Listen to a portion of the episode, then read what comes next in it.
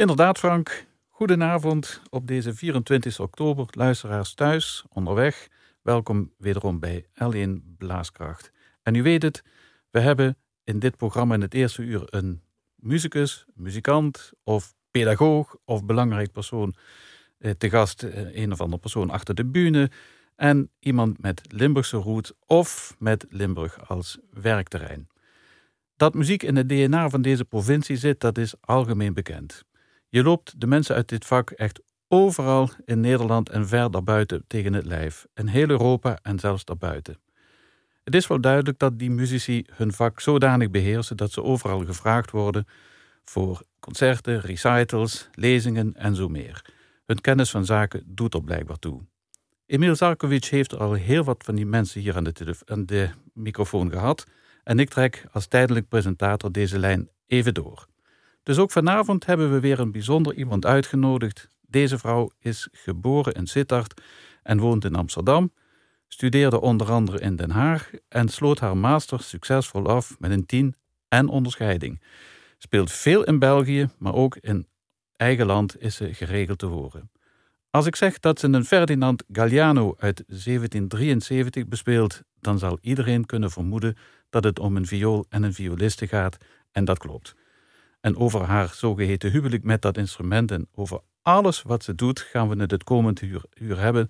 Welkom, Lisanne Soederbroek. Ik heb echt uitgekeken naar dit gesprek. Ik vind het fijn dat je deze dag voor ons hebt kunnen vrijmaken. Um, gaan wij, vraag 1, gaan we bij het openingsfragment dat bijzondere instrument horen? Absoluut, ja. ja. En daar ga je ons straks alles over vertellen. Dat zal ik doen. Oké, dan verheugen we ons op. Eerste fragment wat u gaat horen, het zijn eigenlijk twee composities na elkaar. We gaan eerst beginnen met Johann Sebastian Bach. Zijn Couronte uit de Partita, Bachs werk wat zaken is 1004. Meteen gevolgd door Song, en dat is uit de compositie Xenia voor viool en stem. En die is van Louis Andriessen. En we horen Lisanne Soeterbroek, viool. En het is allemaal afkomstig van haar solo-cd Shining of Her Eyes. Bach en Andriessen.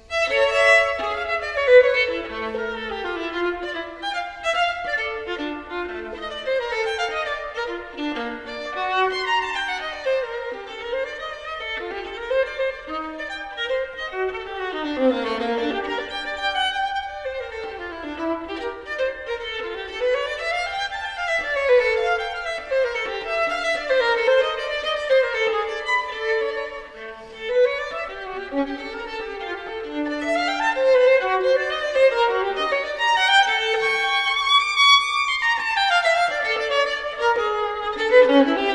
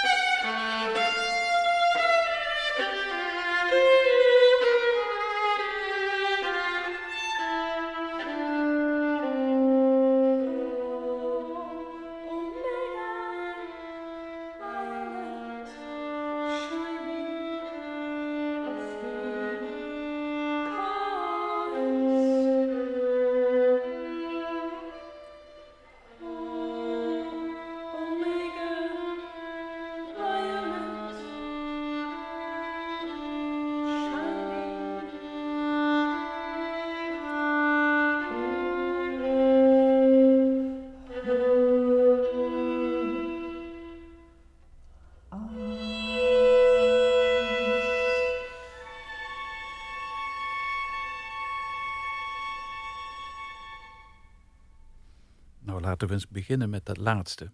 Dat stuk van Louis Andriessen. Dat was jouw stem. Dat was mijn stem, ja. En dat is ook, uh, was één microfoon. Dus het was echt gelijktijdig uh, heb ik dat opgenomen. Ja.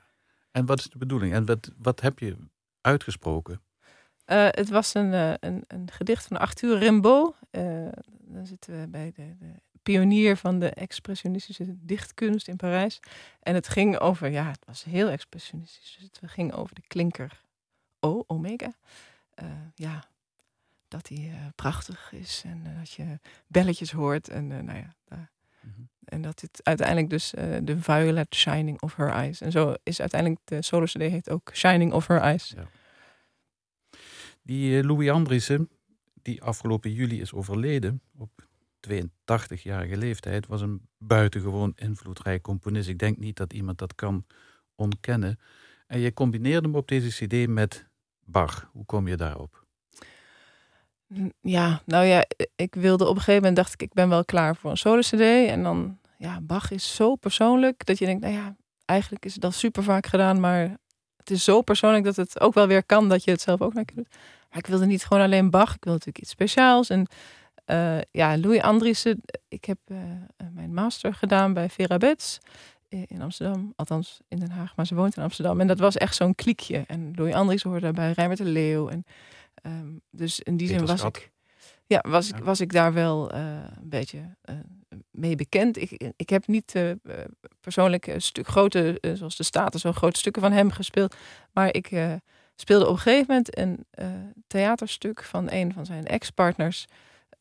En hij kwam luisteren en ik speelde daar ook een stukje. Ook omdat ik wist dat die familie lijn er was, dacht ik: oké, okay, ik speel ook een stukje van hem. Uh, en zijn uh, toenmalige vrouw was er ook. En die zei, oh weet je, er is ook een stuk waar je ook bij moet zingen. Is dat niks voor jou? Nou, ja, waarom eigenlijk niet? Dat had ik nog nooit gedaan. dacht ik, oh, het is heel moeilijk hè, viool spelen en zingen tegelijkertijd.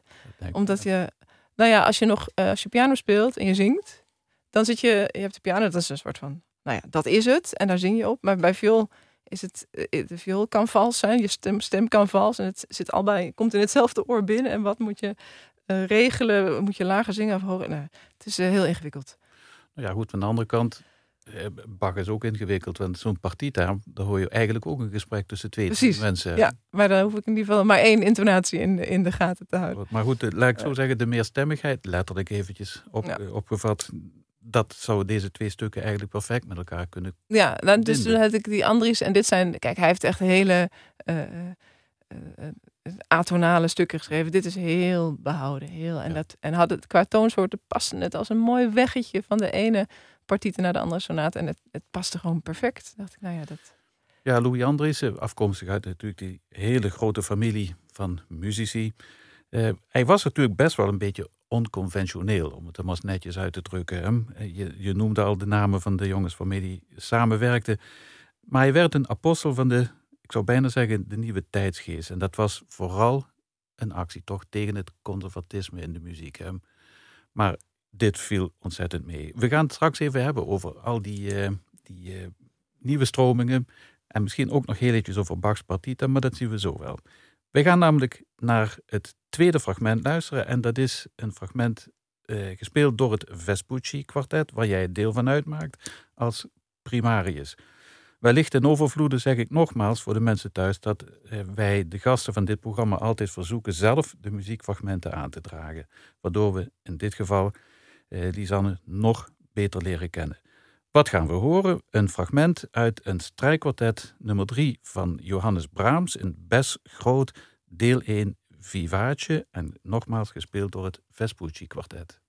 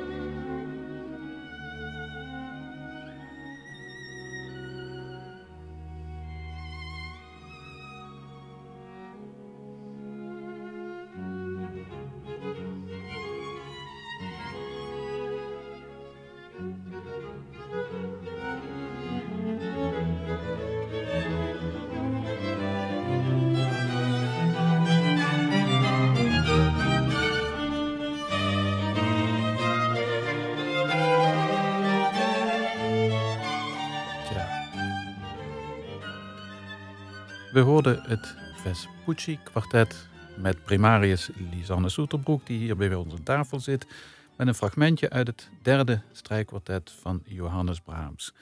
Helaas staat het programma het niet toe, eh, Lisanne, dat we echt de complete stukken of hele lange fragmenten kunnen laten horen. Dus we moeten helaas, zeg ik altijd, een klein beetje veden. Um, is dit nu voor Brahms begrippen een luchtig werk of of is het toevallig dit fragmentje wat een beetje luchtig overkomt? Nou, ik denk dit voor mij in ieder geval het derde strijkkwartet, wat je net waar je een stukje van hoorde, dat is wel het meest ingewikkelde uh, strijkkwartet. Uh, en dit was misschien inderdaad een, beetje luchtig, maar het is, ja, het is heel gelaagd. maar ja, dat is een beetje met strijkkwartet. je gaat steeds, we hebben zoveel, we zijn, zoveel repertoire en we gaan steeds dieper zwemmen en dan kom je dit tegen. En denk, ja, dit is fantastisch. En we zijn nu ook uh, in laatste strijkkwartet van Beethoven aan het instuderen. En dan zitten ook zoveel lagen in. En het, ja, dat is voor ons echt, echt genieten. Het is ook heel hard werken om het allemaal te, uh, uit te zoeken en, en zorgen dat het klopt en past. En, uh, um... Er zijn echt heel veel kleine details ook bij, bij die Absoluut. en die, die willen we ons altijd heel graag voor de geest halen en heel goed kunnen horen. Maar dat lijkt me ook waar heel veel van die studieuren ja. Eh, in gaan zitten. Wat betekende Brahms voor de kwartetkunst? Is dat... Uh, ja, gewoon, ja, hij heeft er drie. Hè. bedoel, het is ook weer, weer heel, en, en heel, heel erg Brahms, heel eigen. Het is heel vaak uh, twee tegen drie en het is niet met, uh, vaak niet uh, liefde op het eerste gezicht. Mm. Je moet echt een paar keer horen, ook de symfonieën. ja, het moet echt een beetje ja, verteren en dan is het echt... Deel van jezelf. echt een, een schat. Ja, goed. Ik, ik denk, we hebben het straks heel eventjes gehad over de eventuele waardering voor Andriessen, die zeker niet door iedereen gedeeld wordt. Maar ik ken ook mensen die wat minder met Brahms hebben en zouden wellicht te maken kunnen hebben met de hoge mate van abstractie van zijn muziek.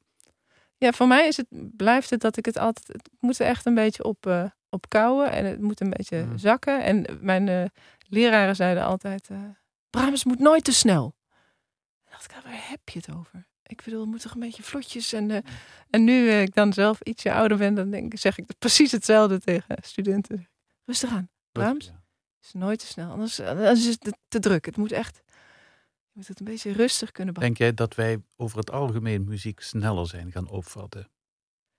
Uh, ik, ik, ja, heb, ja, ik heb die indruk van wel. Heel vaak als ik dingen hoor nu, dat ik denk van, wacht eventjes, toen ik jong was, gebeurde, duurde een, de, de Matthäus bij wijze van spreken een, een kant langer op de, op de Ja, precies. Ja. Nee, dat is ook wel, wel zo. Het is ook wel, het, het ligt ook aan de uitvoerder. Hoe, hoe, jonger je bent, hoe sneller je wil. Dat, ik zie het aan mijn eigen kinderen. Dat, dat, ja, dat, dat komt. Tempo. Ja, bepaalde dingen die komt met de jaren. Zeg, en het Vespucci kwartet, eh, dat is dus vernoemd naar Americo Vespucci, de ontdekkingsreiziger, die de delen van de VS ontdekte. Waarna het, het land trouwens ook is vernoemd.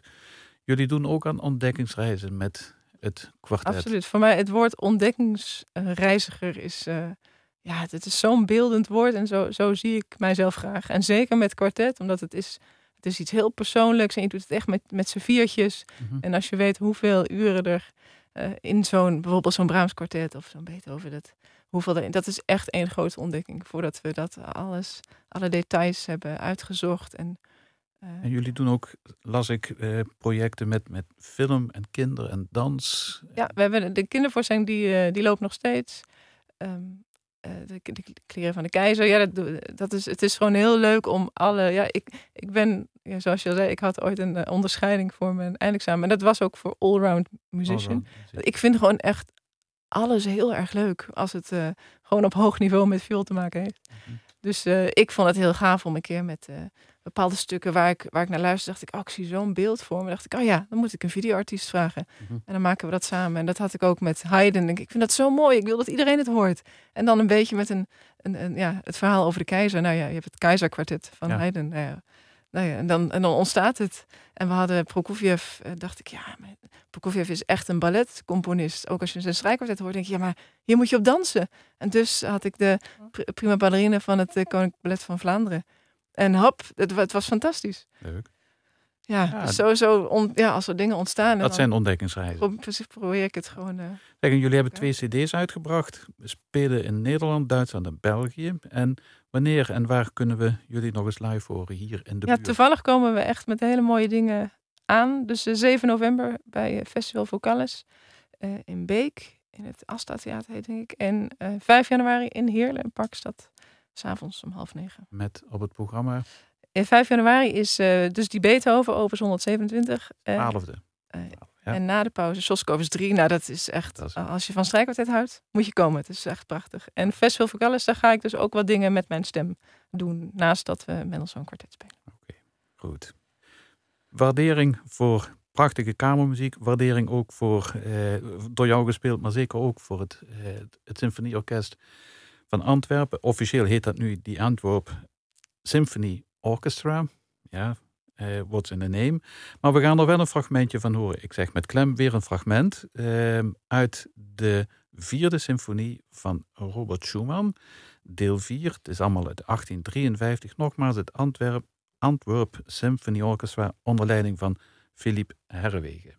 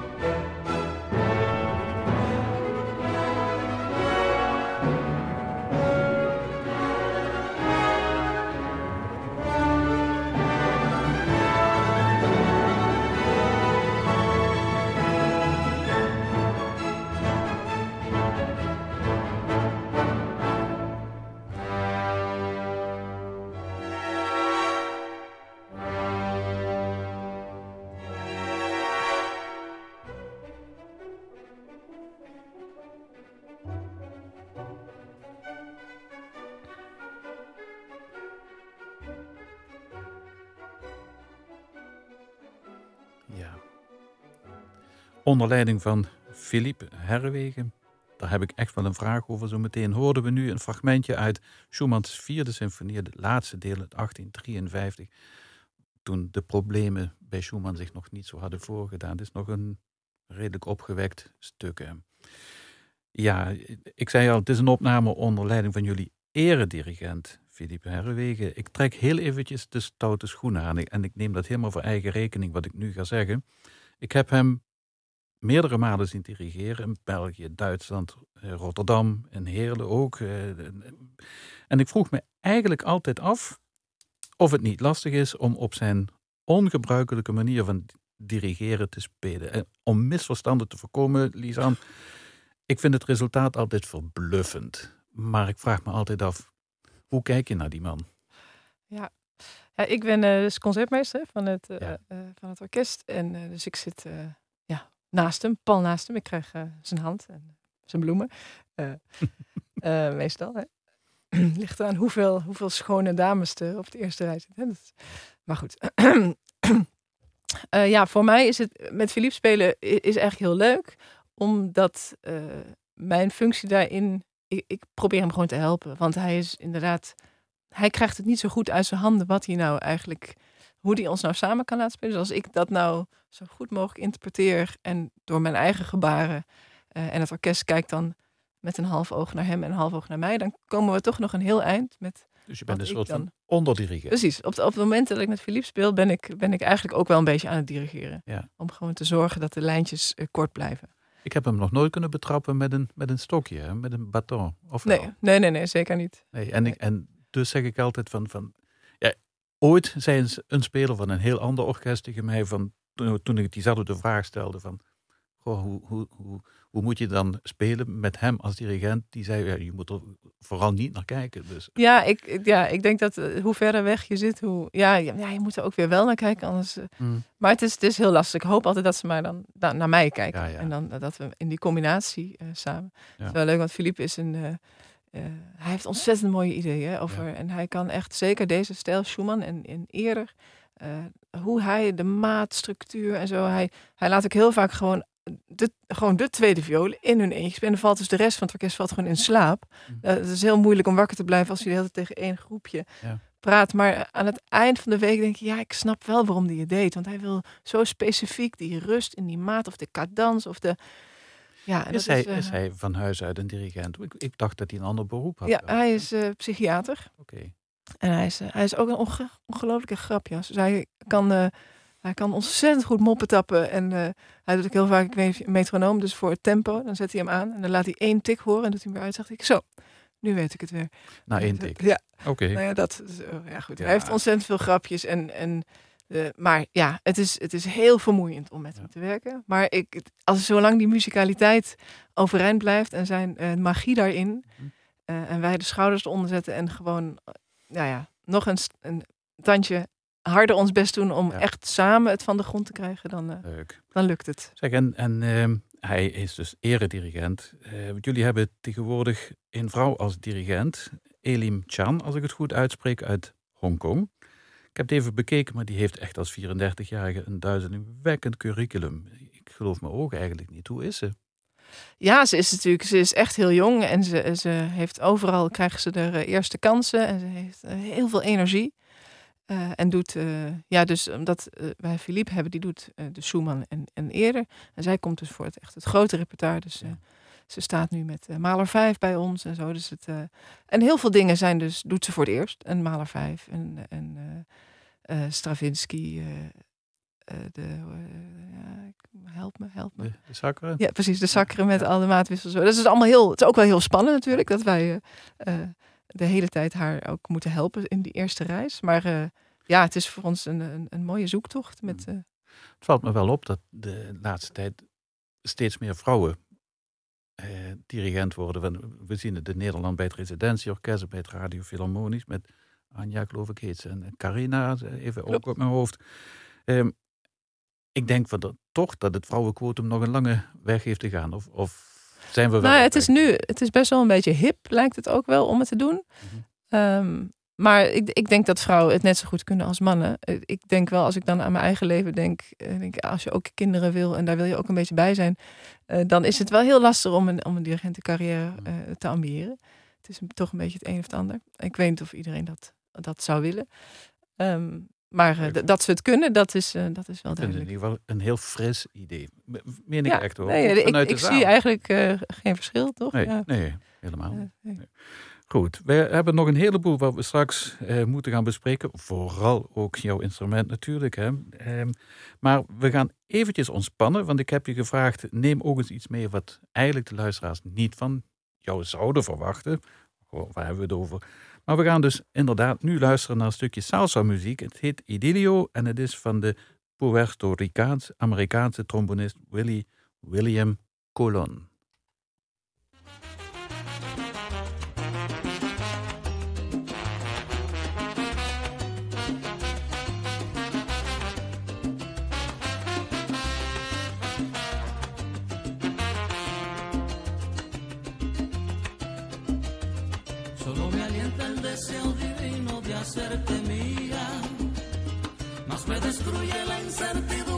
Estoy pasando.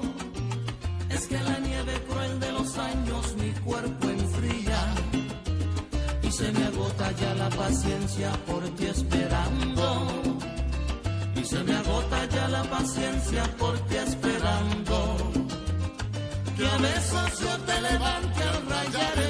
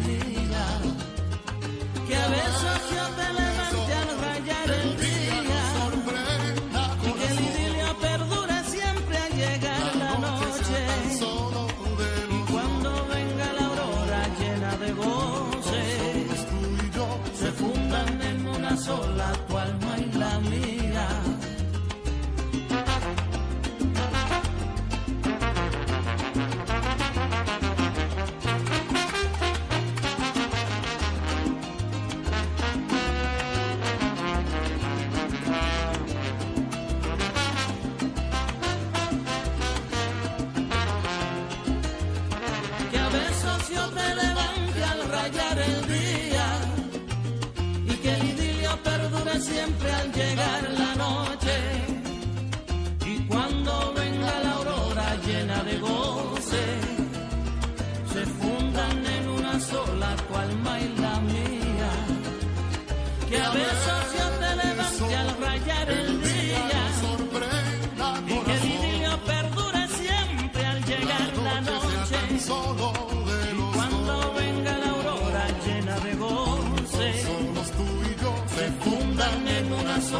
cual mar.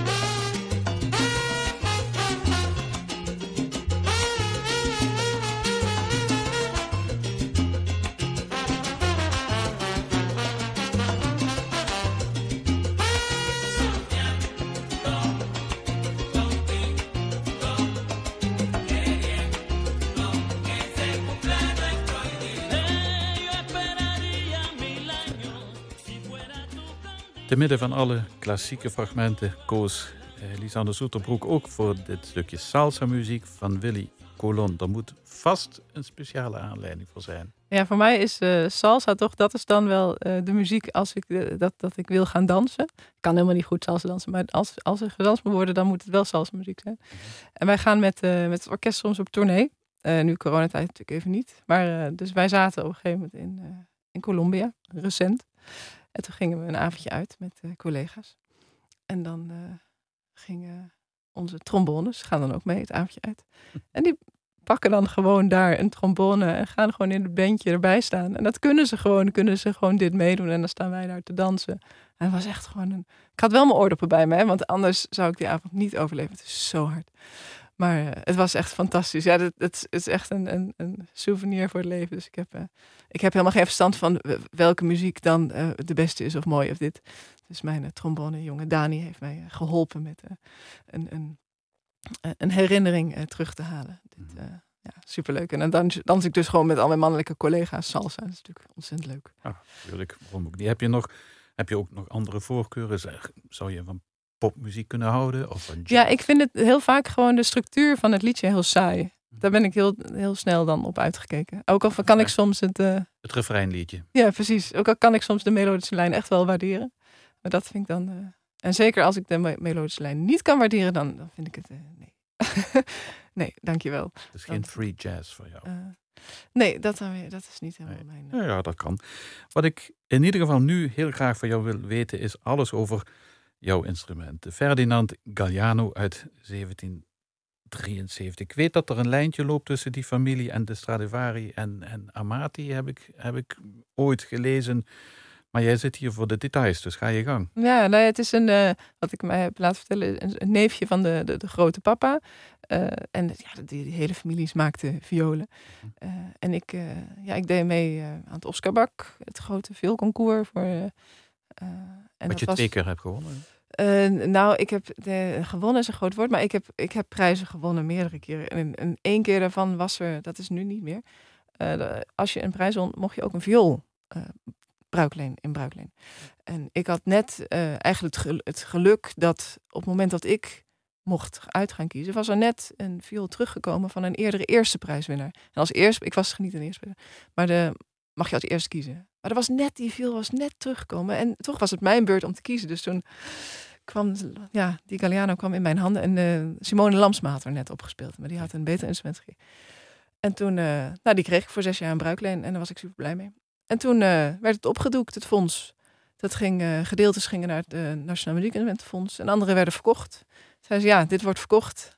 Maar ja, je speelt erop. Dus het is echt een goed instrument, goede investering. Bodemprijs mag je hem kopen. Oké. Okay. Dus dat en kon. Dat ja, met mijn vader samen uh, hebben we gekocht. Dus ik heb gewoon, ja, ik heb de luxe dat ik gewoon een eigen, een, echt een heel erg goed, uh, een oude Italiaan heb. Dat is, uh, een oude Italiaan heb. Een oude Italiaan. Ja, nou mooi. Ja, en tot nu toe. En ik neem ook aan dat je niks, hem nooit uit het oog verliest, hè? Want je leest wel eens van die dramatische berichten. Ja, ik ben wel, ik ben redelijk nuchter hoor. Dat ik, ja. ik denk, ja, als jij echt, echt een viool wil stelen, dan moet je wel een beetje kennis van zaken hebben. En, ja, nou. maar natuurlijk uh, zit hij altijd gewoon op mijn rug. Hij mag niet op één schouder, hij moet altijd volledig op mijn rug. Dat uh, heb ik wel ooit met mezelf uh, afgesproken. afgesproken. Ja, ja. Ik, zit vooral, ik zit niet in de trein, dus ik kan het niet zo. Ik zit altijd in de auto naar Antwerpen. Dus Hoe vaak ga je trouwens op en neer?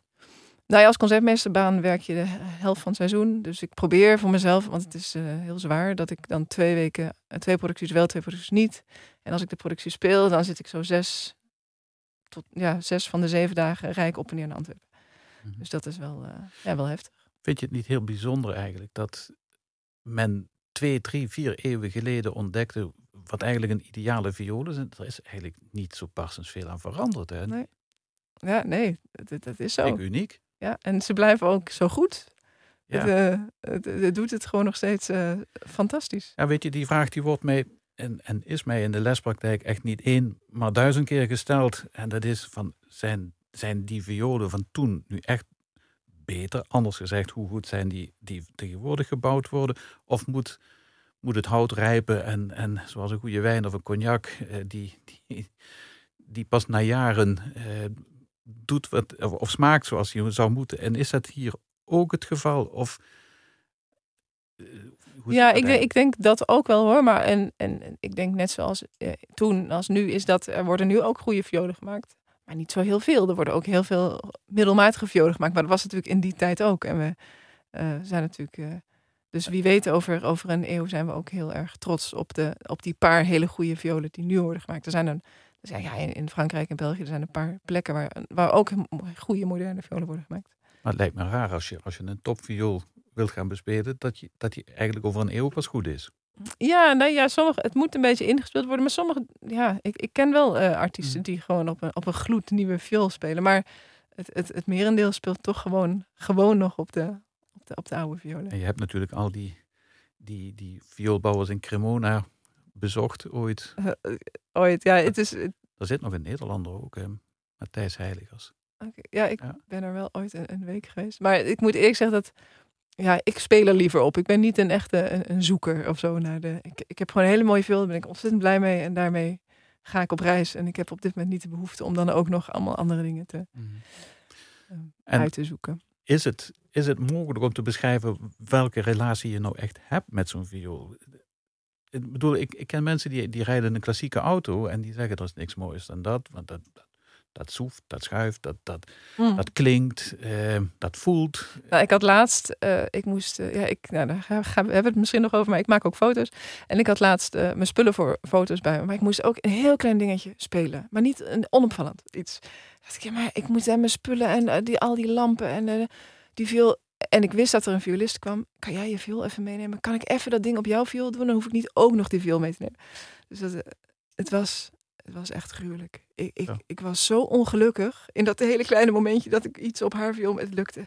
Dat is wel, ja, dan denk je weer, oh, wat ben ik verknocht aan mijn eigen. En wat is het, mijn, mijn tweede huid. En, en wat kan ik daar zo eh, eh, alles op en zo subtiel. En ja, Dus dan, dan is het woordje huwelijk met, met je instrument eh, is gerechtvaardigd. ja, ja nee, ja. Ik, ik, je kent echt alle ins en outs. Het is, Ja. Ik weet precies, als ik, eh, als ik ergens een krasje, weet ik precies wat ik moet doen om te zorgen dat het daarna weer, ja.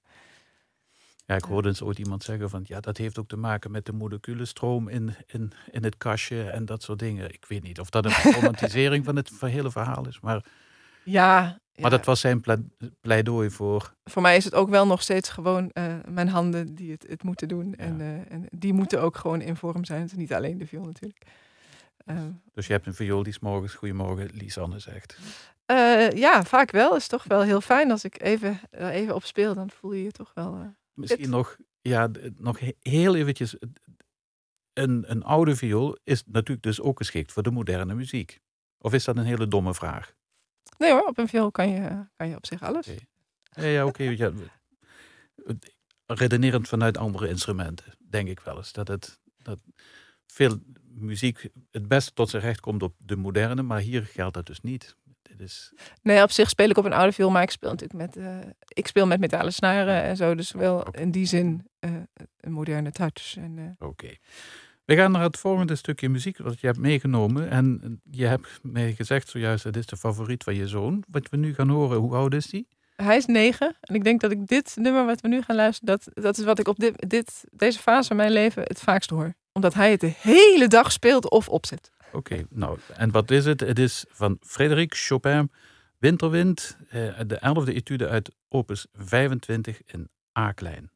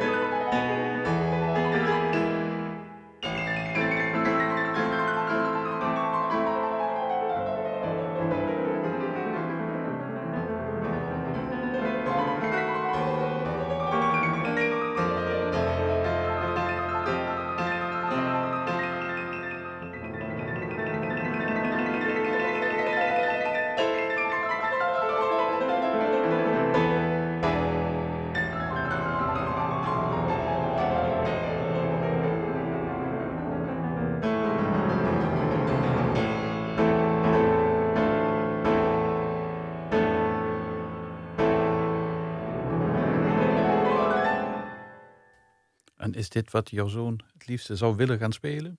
Ja, dat denk ik, ja. Hij heeft gewoon een... eh, hij heeft heel veel hele grote liefdes. Dus hij is een absolute origami-koning. eh ongelooflijk eh, indrukwekkend. En grote liefde voor vogels. En ziet alles met zijn super ogen. Maar daar ook, de piano is ook een enorme liefde. En dan gaat hij... hij is negen. En dan gaat hij, mag hij op een scherm. En dan gaat hij, gaat hij geen film kijken. Maar dan gaat hij eh, YouTube's luisteren van alle Chopin. natuurlijk. Dat vindt hij fantastisch. Ja, dit was ook afkomstig van een YouTube-kanaal. Ja, en dan zie je zo, als je dat YouTube-kanaal, dan zie je uit, uit de toetsen komt allemaal een soort eh, lichtflits. Dus het ziet er ook nog heel leuk uit. Je hebt ook van die, van die YouTube's waar je de, de partituur grafisch ziet weergegeven. Ja, die, eh, ja. Heel leuk, ja. Ehm, toch eventjes terug naar, eh, ja, dit is, was een uitstapje naar, naar een gure winterstorm van Chopin. Maar ik had toch nog willen vragen, wanneer moet dan, eh, denken aan jouw eigen kinderen, maar aan al die andere kinderen, wanneer moet je eigenlijk beginnen met muzieklessen? Ik hoor wel eens zeggen dat je, voor wat de strijkinstrumenten betreft, ehm, je nog vroeger zou moeten beginnen dan met piano en, en, weet ik wat. Is dat waar? Nou, ik denk dat het. eh, eh, ik heb eh, dus van negen heb ik er eentje. Ik heb er eentje van zeven en eentje van vier. En die, nu spelen ze dus allemaal viool. En de oudste twee ook nog piano. Dus eigenlijk, ja, het is een flinke bende aan muziekinstrumenten. Maar de jongste vier op viool vind ik zelf een beetje vroeg. Hm. Eh, ze zou ook een jaar later kunnen starten. Maar ja, de, de, zoon, de, de, de broer zit al op muziek. Dus dat is natuurlijk superleuk dat ze ook mee mag naar de muziekschool. Maar ik denk met viool, vijf, zes, is een goede tijd om te beginnen. En dat heeft waarschijnlijk toch ook wat te maken met de gehoorvorming. Ja, en het is gewoon motorisch Ja. eh, reus ingewikkeld wat je moet leren. En als je dat dan maar voor je negende of voor je tiende geleerd hebt, zit het er voor altijd op. Dan raak je het niet meer kwijt. Dus, dus dat eigenlijk alles wat je voor je negende kan opslurpen, dat, dat heb je gewoon gratis en voor niks, voor altijd. Ja. Jij ehm, hebt zelf les gehad, even terug naar je, naar je verleden bij Koosje Wijzenbeek en, en Vera Betts en later nog bij professor Hafner in, in Graz. Ehm, is het waard dat jij met je oma met de trein altijd naar... Ja, dat bedenk ik me nu wel. Ze leeft nog, hè? 96 is ze. Ehm, eh, want ik woonde dus hier in Limburg. En eh, eh, vanaf mijn achtste ging ik al naar violes in Hilversum. Eh, ja, mijn ouders werkten. Wat, eh, hoe, hoe kwam ik daar? En dus ging ik op zaterdag met oma elke week in de trein. Zes uur in de trein, anderhalf uur les. Soms kwam er nog een ensembletje achter of zo. En, eh, en zij droeg altijd mijn viool, mijn tas. En, eh, en op een gegeven moment draaide zich dat om. Dus toen ik, eh, toen ik veertien was of zo, toen moest ze al een stukje wandelen. En toen droeg ik haar tas en mijn eigen viool. Eh, en toen ik 16 was, eh, toen, ik was een hele zelfstandige tante. Dus toen zei ik, nou oma, het is wel goed zo. kan het wel alleen. Ja. Maar eh, nee, dat is nog steeds. ik, als ik dan nu denk, als, stel dat mijn, een van mijn kinderen zegt: Ik wil in Limburg op violes of wat, dan denk ik: Jeetje, hoe zou je dat moeten organiseren? Maar er heel veel goede violdocenten hoor. nou, we zitten wel goed hoor in Amsterdam. Ja. Zeg, en ehm, ja goed, met zoveel kinderen en zoveel muziek. En hebben jullie buren? En, en die hebben nergens last van, denk je? Eh, nee, de buren, gelukkig hebben we één eh, buurvrouw die is. luistert alleen maar Radio 4. Dus dat is perfect. Ja. En de andere buur is inderdaad, die zal het allemaal niet meer zo horen. Ja. Maar als die ooit gaan verhuizen, dan misschien moeten we even een stevig gesprekje voordat. Voordat het niet meer bewoond. Goed, een druk leven. Heel vaak op en neer als concertmeester tussen Amsterdam en, en Antwerpen natuurlijk. En de optredens met Vespucci. Maar je hebt het net al eventjes aangehaald. ehm, je hebt je ook verdiept in portretfotografie. Waar haal je de tijd vandaan? Overigens, het zijn fantastische foto's. merci. Ja, heel mooi. Ja, nee, ik had altijd, ik wilde het altijd. al- Ik weet nog heel goed dat ik met Herrewegen was ik aan een project. En dacht ik, oh, dit zou ik op een plaatje willen zetten. Maar ik ben ook echt wel een persoon, ik doe, ik doe het alles of niets. Mhm. Dus ik dacht al, ja, ik, ik heb de spullen niet. Ik heb het, eh, eh, ja. Dus het kwam er nooit van. Ik dacht, ja, dat is niet, komt niet op de route. En toen kwam corona en toen zat ik thuis. Toen dacht ik, ja, dit is het moment. Ja. En toen, maar, maar salaris eh, zakte ook wel een beetje zo hier en daar. Dus ik weet of mijn vrouw er heel erg blij mee was dat ik op dat moment al mijn geld uitgaf aan camera, laptop, eh studiolichten, alles wat je maar nodig hebt. En toen, ja, hadden we een kamertje over bij ons thuis. Toen werd dat studio. En toen, het grootste project, ik was toen een solo aan het maken. dacht ik, ja, ik heb nu een nieuwe camera. Natuurlijk ga ik zelf mijn. Dus ik wil zelfportretten, alleen maar zelfportretten op het CD-hoesje. ik had hem mee moeten nemen. Heb ik zelfs vergeten, stom. Ehm, dus die heb ik gemaakt. Ik heb toen eh, in de coronatijd had ik de tijd om eh, zelfportretten te maken. En die staan eh, Dus allemaal op het cd-boekje. En inmiddels eh, ja, komen, heb ik ook echt eh, wel klanten. Die gewoon, eh, ja, ik vind het heel leuk om met muzici te werken. Dat ik merk dat ze toch gewend zijn om eh on stage. Dus die ontspannen redelijk snel achter zo'n vervelende camera. Of voor de vervelende camera. Ik vind het heel leuk. Maar ik vind het in ieder geval heel vernieuwend. Zoals je ook de, de CD-hoesjes Hm. nu voorziet van, van ja, toch wel, wel hele mooie foto's. Anders dan wij eigenlijk gewend zijn. Heel vaak, althans. Hm. Ja. Goh, ja, we hebben eigenlijk nog zoveel waar we het over zouden moeten gaan hebben. Laatste hele korte vraag. Eh, als concertmeester in, in Antwerpen, heb jij een specifieke voorkeur voor een symfonisch repertoire?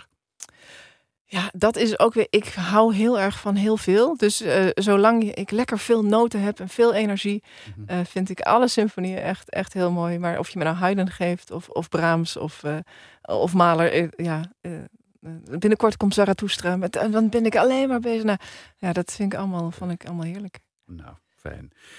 Ik had nog, en nog drie A4'tjes met vragen voor je, maar dat gaan we niet halen, jammer genoeg, want ik moet naar de richting van de, van de afkondiging. Wij gaan dadelijk namelijk eh, het programma afsluiten met muziek van, eh, vanuit de barok van een tijdgenoot van Bach, meneer Fasch, eh, Johann Friedrich Fasch. Twee delen uit een, eh, een, een, een sonate voor twee hobo's, fagot en basso continuo, gespeeld door collega's van jou uit, uit Antwerpen. eh, Antwerpen. Heel erg dank voor het gesprek. Ehm, ik, ik vind het echt heel fijn. Jammer dat, dat we niet anders aan, aan hebben kunnen laten komen, maar misschien een volgende keer.